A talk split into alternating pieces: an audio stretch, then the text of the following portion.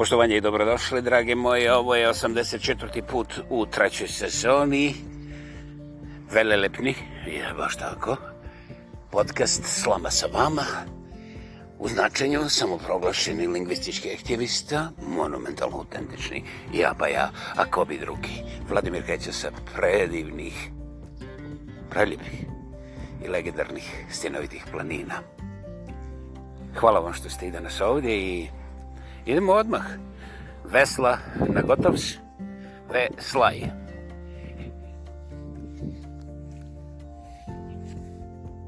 Ovo nije otkriće. Trebalo bi biti. Međutim, odbijam tu i pomisao i kažem nema, nema misterije. Nema tajne. Proizvod ljudskog cimanja istine i zdravog razuma je prekoračio davno, sve granice besmisla. I naravno u samouništenju tek počinje, jer, Bože moj, nije u pitanju samo pritiskanje tih gumbića gdje sve sprži stvar za nekoliko minuta, jeli, ili manje. Nego je stvar u ljudskoj, to ćemo zvati nečemu, jer to je komplicijan izraz koji ne razumijete, a ja ne moram da se zaustaju na jednoj točki dobro na jednoj tački koja bi onda mogla da bude rasturena i banalizirana i onda naravno moje mišljenje ne vrijedi. A ja znam da moje mišljenje vrijedi, evo prodajem ga vama za koliko smo zaradili u zadnjih 100 godina? Nula centi, precizno. Ali sam zato dobio 400 lira, turskih. A ovaj, dakle, zbog čega se mi igramo misterijem? Um, sve postoji i sve je gologuza. Car je od uvijek bio gologuz. Samo onda dođe rulja pa opljačka i onda da ne bi niko pitao šta rade pojedinci u toj pljački.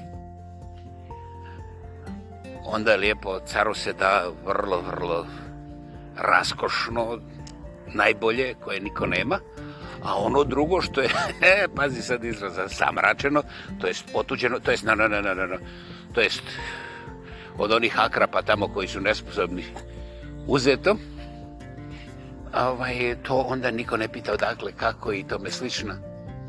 I onda se čak i kaže ovaj, da treba šta ono plaćati takse tom istom caru koji je sve to pobječko. Okej, okay, bože moj. E, ja znam da se vi ne slažete, to ja nisam govorio o vašem caru, možda se sad malo više slažete sa mnom, jeli? Ovaj, ali nećemo u detalje, jer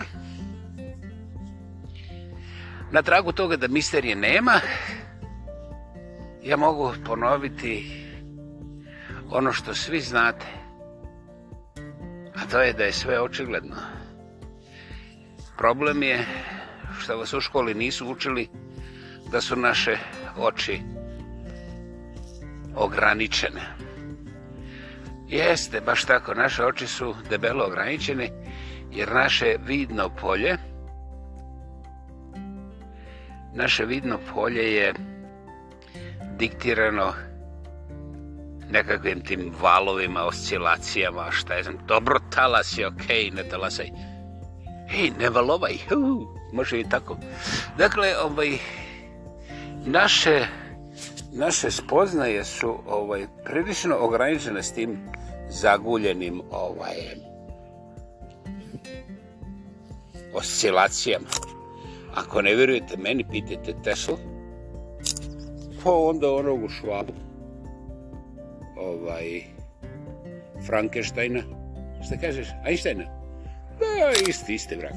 Ovaj, dakle, ja sam tu da vam kažem da Eto, u školi vas nisu učili kako hoćeš, nećeš. To naše vidno polje je ovaj, prilično zamračeno.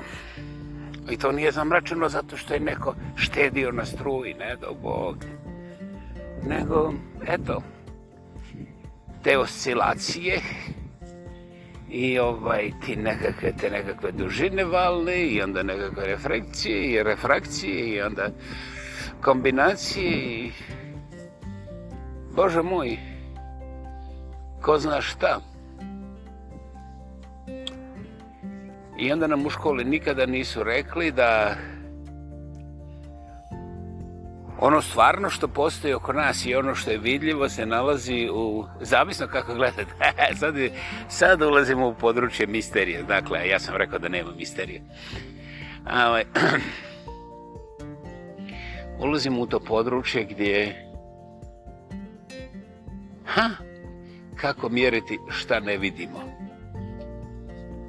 To je otprilike ovaj, poprilično nezgodna sitnica jer eh, ako bi išli po onome što kvantna mehanika nema nikakvih problema već 50 godina barem i to u svojim elementarnim postavkama onda bi došli do broja zbog koga je mene ovaj jedan čovac zamrzio jer ovaj šta ja tu njemu filozofiram pa zato neću spomenuti tu brojku jer je moram priznati šokantna moram priznati šokantna iz eh, više razloga ali za mene je bio najvažniji element kada sam otkrivao da nema misterije kako što je čovjek manje spreman da otvori oči to će više vidjeti Aha, ovo mislite da je kontraverza nije, nije, nije, nije, nije. A, onaj što je mičio kaku šta kaže, Michio Kaku, ok, Michio Kaku, ovaj, taj deran je, kako da ti kažem, jedan od najmoćnijih intelektualaca danas i on je u Konkordu, znači u zajednici sa nekim od najmoćnijih umova današnjice, zaključio da je, E, ne morate se složiti, da je vaše i moje postojanje, to što smo vi i ja rođeni, uopće što postojimo,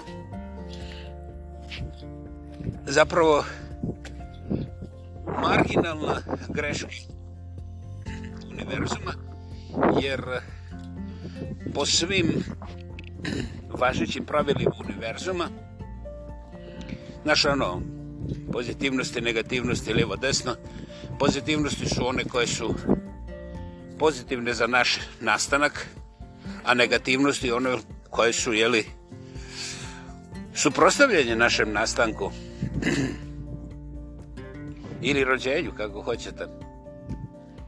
Dakle, sve skupa, čovjek je aboracija.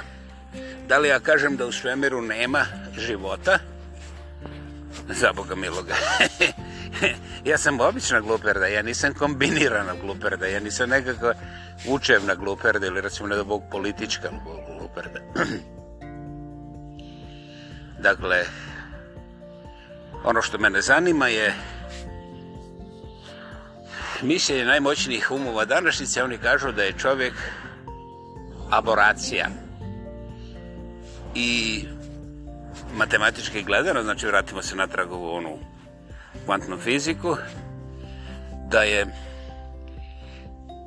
gotovo apsolutno nevjerovatno kako taj čovjek uopće postoji na ovoj planeti.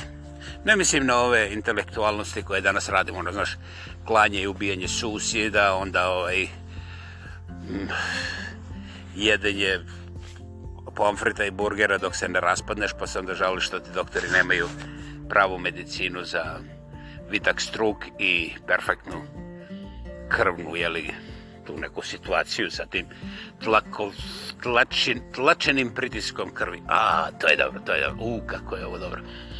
I tako redom, i tako redom, i tako redom. E, zaključujemo, znači, u 84. slama sa vama u trećoj sezoni da je čovjek aboracija. I to je jedan od dijelova razloga zašto je nama misterija kako otkriti te nekakve druge živote. Potom je svemir u koji je prilično glomazan, a ono što je najinteresantnije da je taj svemir, bez obzira što su ove planete prilično velike, ono primjer da ti neko uzme kamenčić, pogleda u glavu, razumiješ, ti puca u njega ako preživiš. Međutim, interesantno da svi ti tvrdi objekti u svemiru su manje od nula, dobro ste čuli, nula točka ili zapeta, kako vam se sviđa, nula dva posto. Ja ću ponoviti ovo kraćim rješnikom. 99,98% svega zamišljivog, vidljivog i opipljivog i, i, i, i, i, i tako dalje u ovome univerzumu koji mi kao poznajemo, 99,98% je praznina. Nema ništa, nema jednog kamenčića. Dakle, sve ove ogromne planete, kometle, a metle i ne znam već šta, spadaju onih 0,02% tih nekakvih tvrdih, opipljivih predmeta s kojima mi kao nešto znamo raditi. Ono bacanje kamena s ramena, onda bacanje granatli na njihove ovaj dečke u našim frontovima i tako dalje i tako dalje i tako dalje. I sad mi kažemo misterija. Malo ću lijepo gdje je misterija. Razumiješ, to je isto kao da Čuko hoće da pogleda svoju omiljenu TV seriju i kaže misterija. Da li je misterija što ne zna gdje je remote controller ili kako to da neko 100 km dalje može da isključi struju? Razumiješ? Razumiješ? I ovaj... Ja to... Ne mogu, znaš. Ovaj... Da skratim, ne mogu to zvati misterijom. Znate, ovaj... I evo, ako taj vaš Čuko hoće da gleda svoju seriju i vi to zovete misterijom, ovaj, da li vam je palo na pamet da onda pitate sebe ovaj, Šta bi to moglo biti misterija? Pa možda to što Čuko pojma nema, kako je neko mogao da isključi struju tamo negdje na kraju grada ili prije grada čak. Ja to ne bih zvao ni neznanje, znate, jer malo je naš elektrotehnika i onda distribucija energije lijevo desna i Čuke, ja nisam vas uzimo neke klase ljudi, mislim, zato sam uzeo čuku, da budem malo kraći i jasni, da mi se ne propinju svi na zadnje noge. Ovaj, ali koncept nekako je brutalan. Između ostalog što čuke ne idu u školu i ne uče ništa o tim elektrotehničkim, distributerskim detaljima. To je vrlo, vrlo zanimljivo. Jer ono pitanje šta bi se desilo kad bi Ćuke znale ovaj, da uče o elektrodistribuciji, da li bi mi onda došli do nekih boljih rezultata u elektrodistribucijskoj ekonomiji, recimo. Sad odlazimo, jeli? Sad kažete da smo zglajzali. Pa dobro, može i tako. Međutim, istovremeno, vremeno, neoboriva je činjenica da to što, sve što mi učimo je poprilično ograničeno, a najveće, najveće je ograničena naša svijest i znanje i svijest i znanje, a i refleksija o našem vidnom polju.